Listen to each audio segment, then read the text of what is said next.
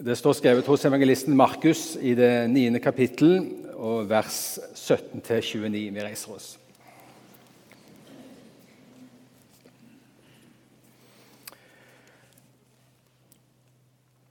En i mengden spurte, 'Mester'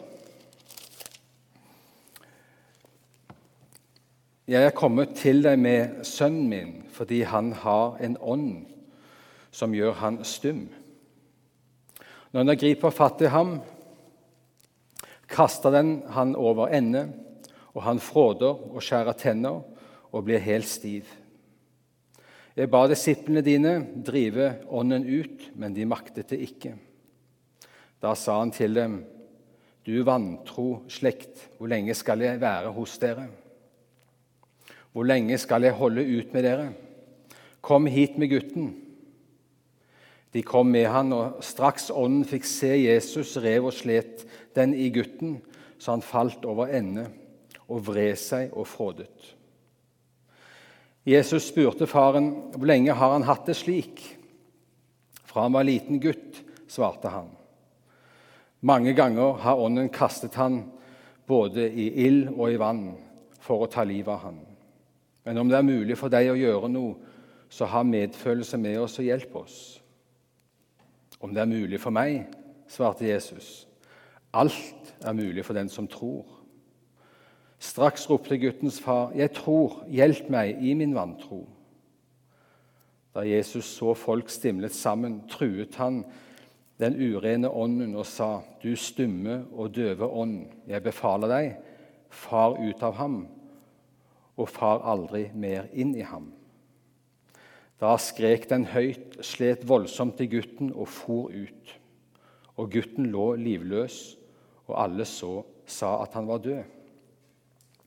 Men Jesus tok ham i hånden og hjalp han opp, og han reiste seg. Da Jesus var kommet i hus og disiplene var alene med han, spurte de hvorfor var det ikke mulig for oss å drive den ut. Og han svarte, dette slaget er det bare mulig å drive ut med bønn og faste. Slik lyder Herrens ord.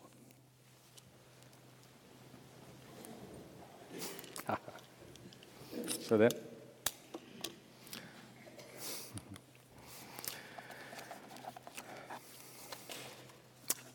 Eh, før jeg går inn i teksten og sier litt mer om den, så hadde jeg lyst til å ha en liten innledning. bare og si noe om bakgrunnen for det som vi møter i denne historien med denne onde ånden. For hva er det vi står overfor når vi leser disse tingene? Eh, I avisen Dagen for et års tid siden så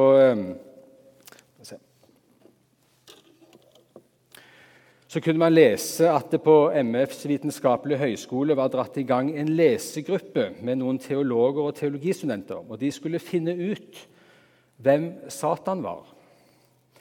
Og Konklusjonen til denne gruppen det var at Satan var egentlig et litt diffust begrep. Og Man mente nok at Satan ikke er en konkret person. Og man snakker mer om det onde istedenfor den onde.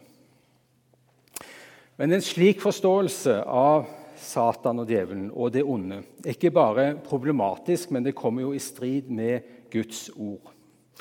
For Jesus omtaler Satan som en person og kaller ham for denne verdens fyrste. Og Navnet Satan det nevnes over 300 ganger i Skriften. Som, og Han er en sentral skikkelse som aktivt motarbeider Gud. Så kan man lure på hvordan man kan lese Bibelen og komme fram til slike tanker og resultater. Men det er egentlig bare én forklaring på det, og det er at Bibelen ikke lenger ses på som Guds ord, men som menneskelige religiøse tanker og forestillinger om Gud. Og Når man tenker slik, ja, da blir veien åpen for den ene og den andre subjektive mening og tolkning av kristne spørsmål, og som vi også dessverre ser på så mange områder i vår tid. De siste ukene har vi vært vitne til prester som står frem og frimodig sier at det er ingen fortapelse, enda Jesus taler så klart som det er mulig å tale om dette. Jeg vet ikke hva mer Jesus skulle ha sagt for å fjerne denne, eh, for å skulle gjøre det uklart.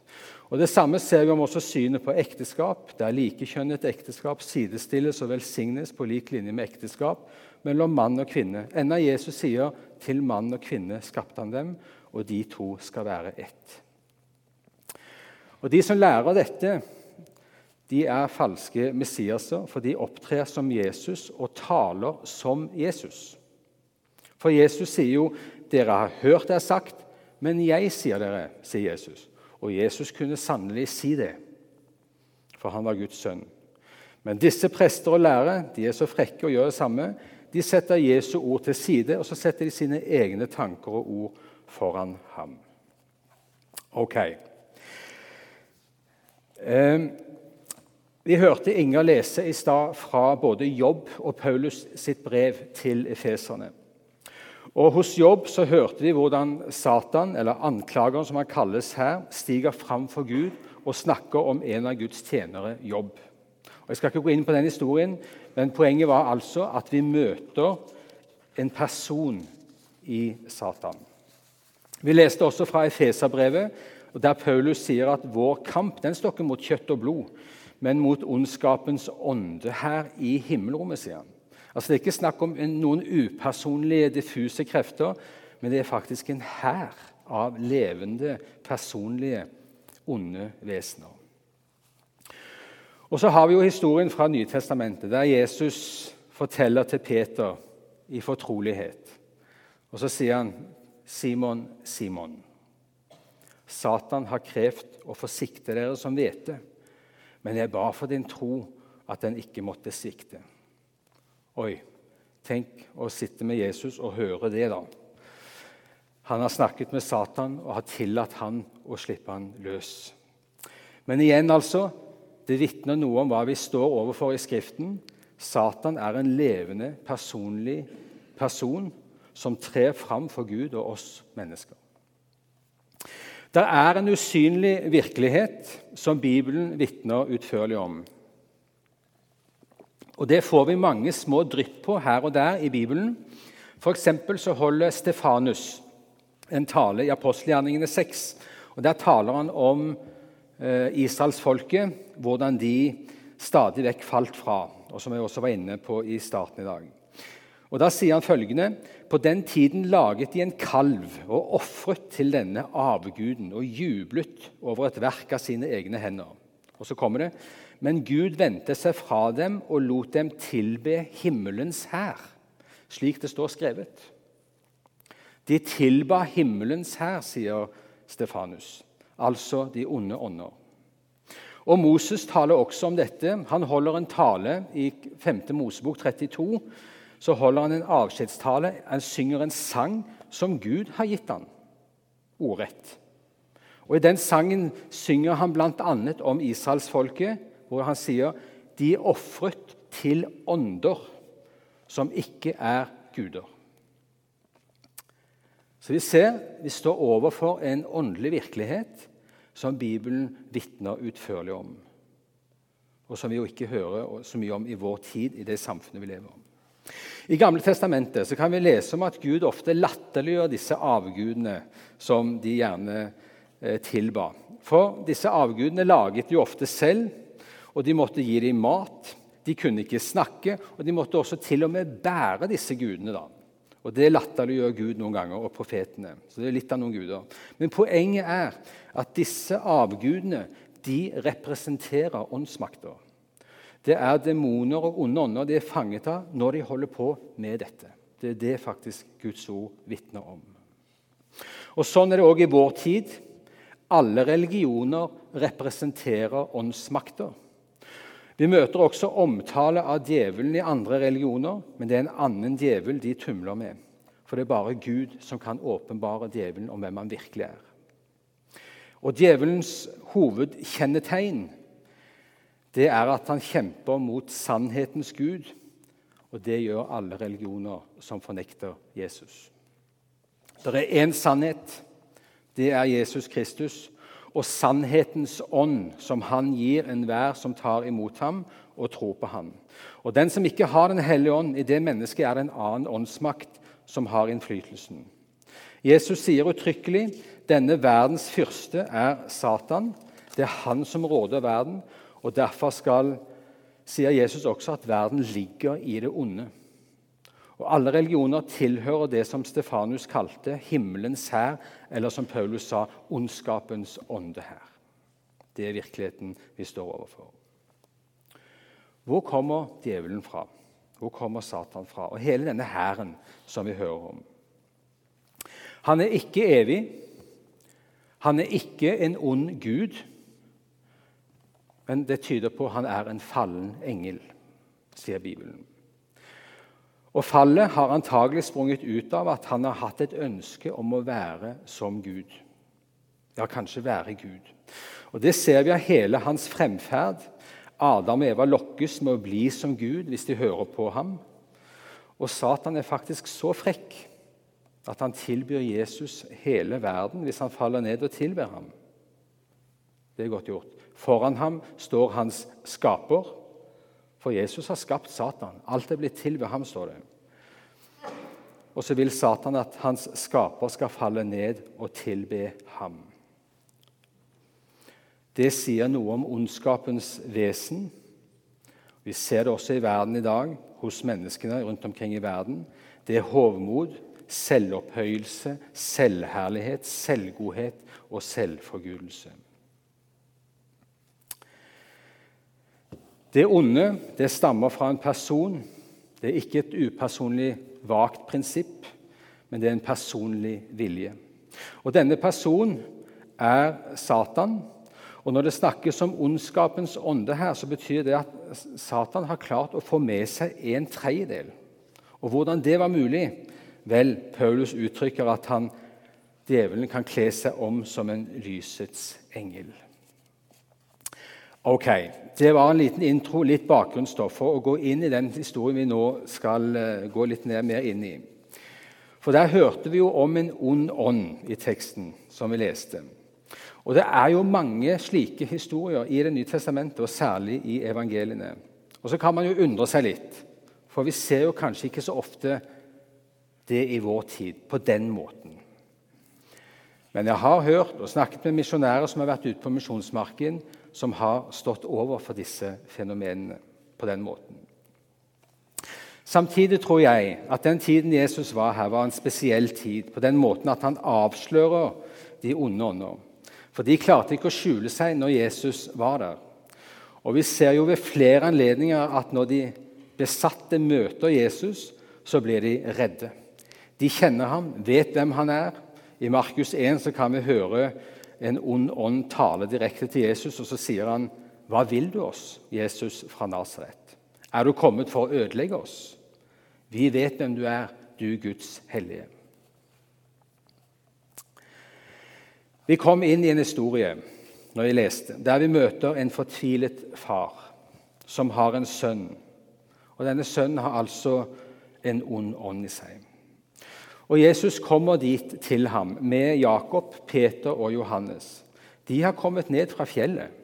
Jesus har akkurat åpenbart seg for disse tre. Vist hvem han er, åpenbart sin herlighet. Og Så er det disse ni andre som tydeligvis er igjen der nede. Og De har forsøkt å drive ut denne ånden av denne gutten, uten å lykkes. Og Så er de i diskusjon med de skriftlærde, og sannsynligvis har de eh, diskutert dette som har skjedd. Og Disiplene de har gjort dette før. Jesus sendte jo disiplene ut på oppdrag. Og De kommer jo helt i hundre tilbake og sier til og med de onde ånder adlyder oss. Men da jekker jo Jesus de ned og sier, 'Gled dere ikke over det, men gled dere over at dere har fått navnet skrevet i livets bok', sier han. Jesus møter denne fortvilte faren som forteller hva som har skjedd.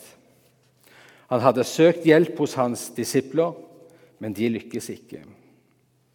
Og La oss stoppe litt akkurat der.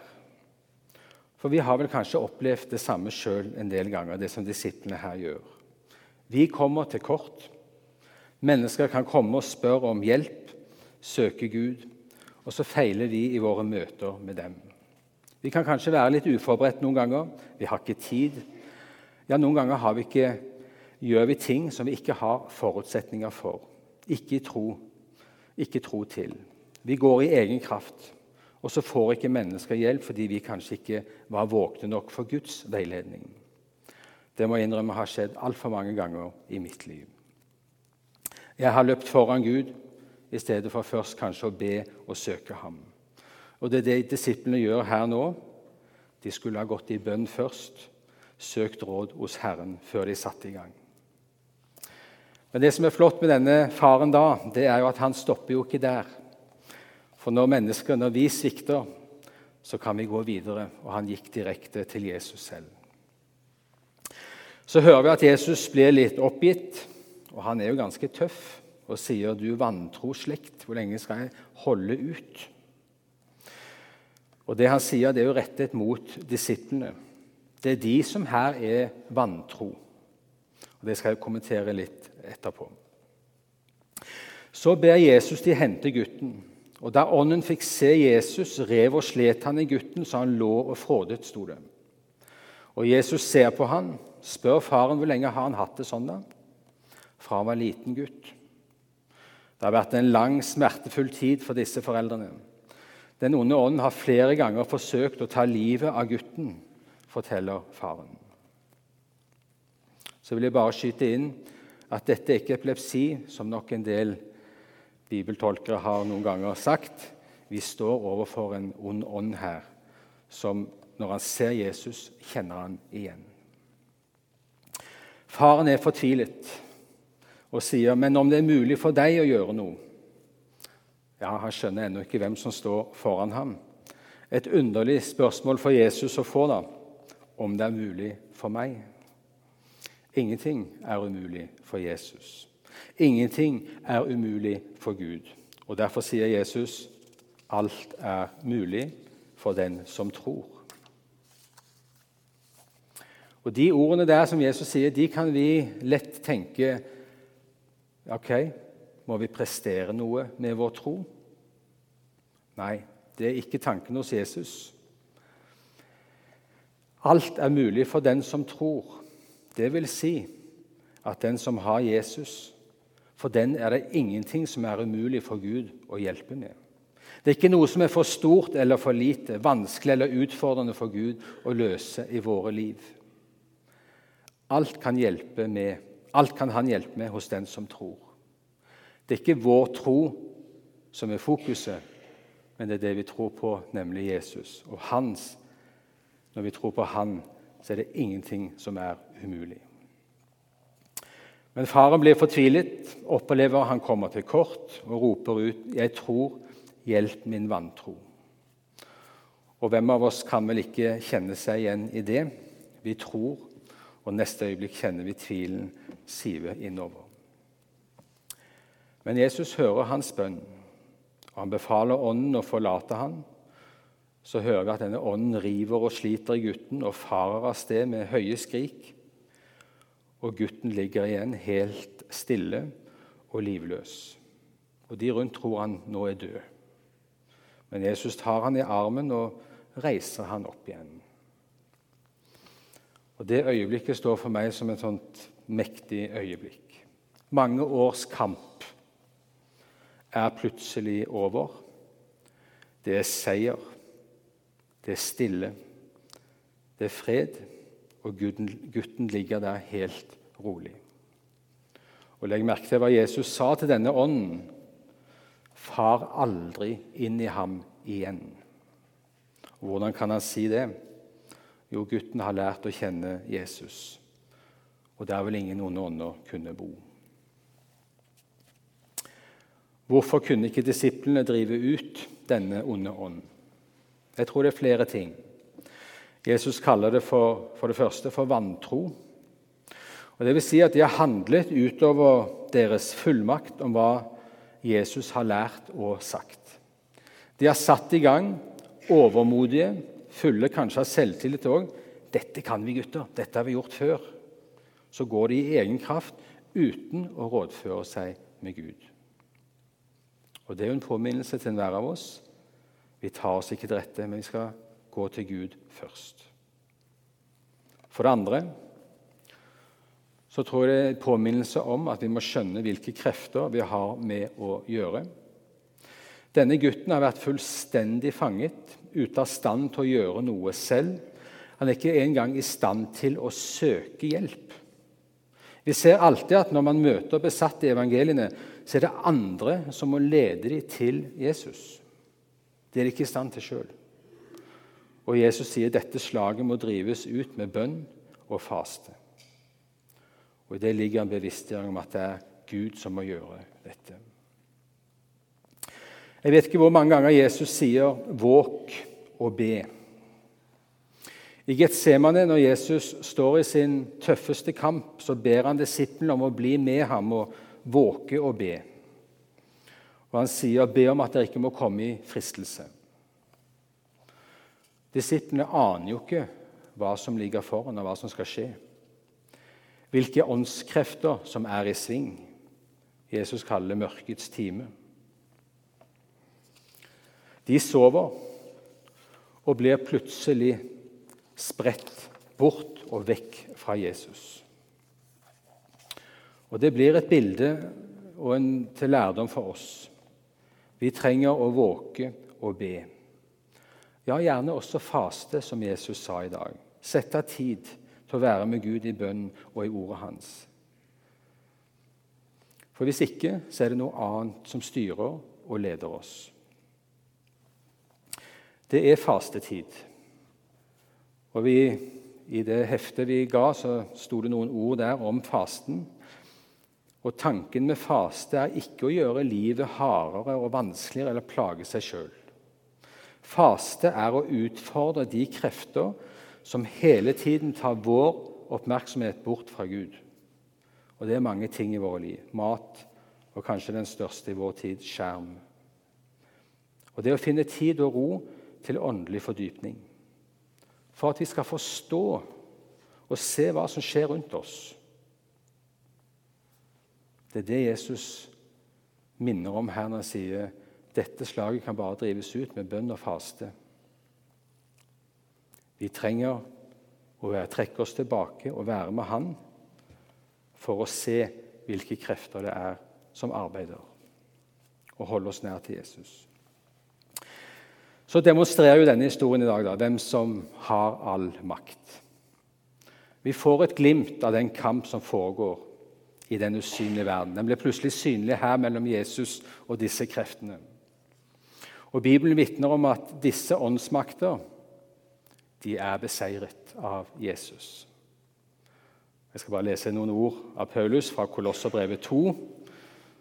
Og Der sier Paulus det slik.: han gjorde dere levende sammen med Kristus da han tilga oss alle våre misgjerninger.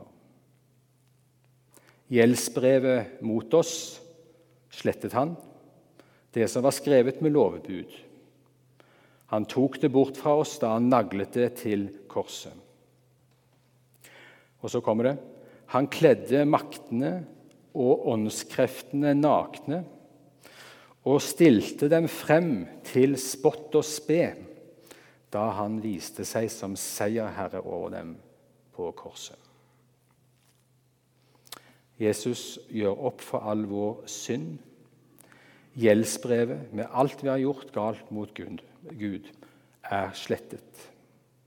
Og Samtidig så hører vi at det skjer en seier på korset over djevelen og hele hans ånde her på korset sier Paulus.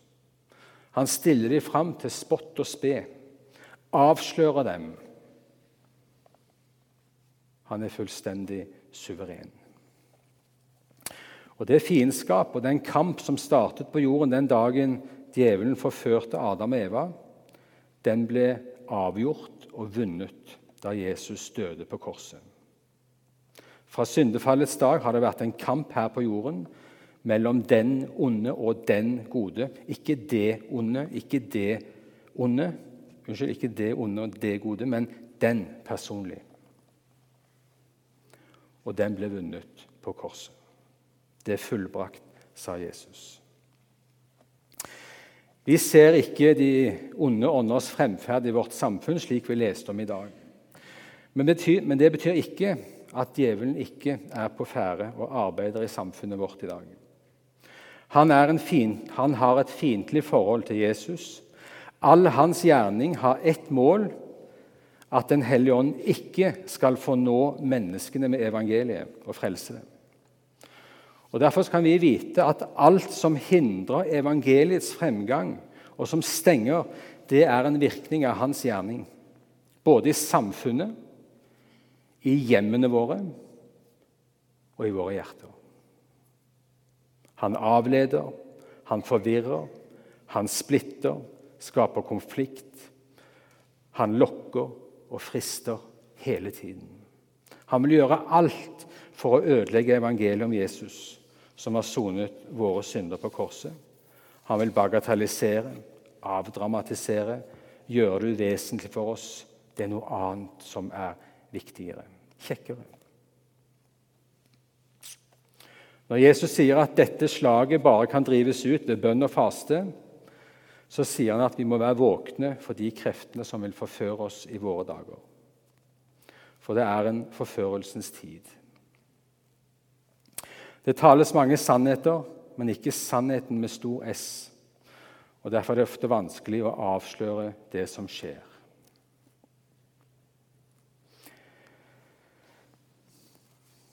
Ta derfor på Guds fulle rustning, spenn sannhetens belte om livet.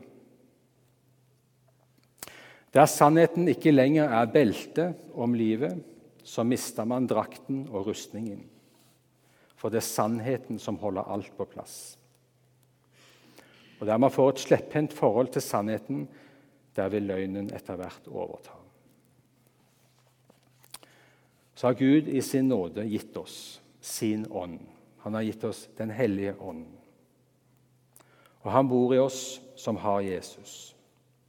Og han trøster oss, han styrker oss, han veileder oss i Guds ord, overbeviser oss, forherliger Jesus, han ber for oss. Ja, han beskytter oss og holder disse makter borte fra oss. Så må vi be om våke og be, som Jesus har sagt og understreket så mange ganger, så vi kan bli bevart i sannheten. Amen.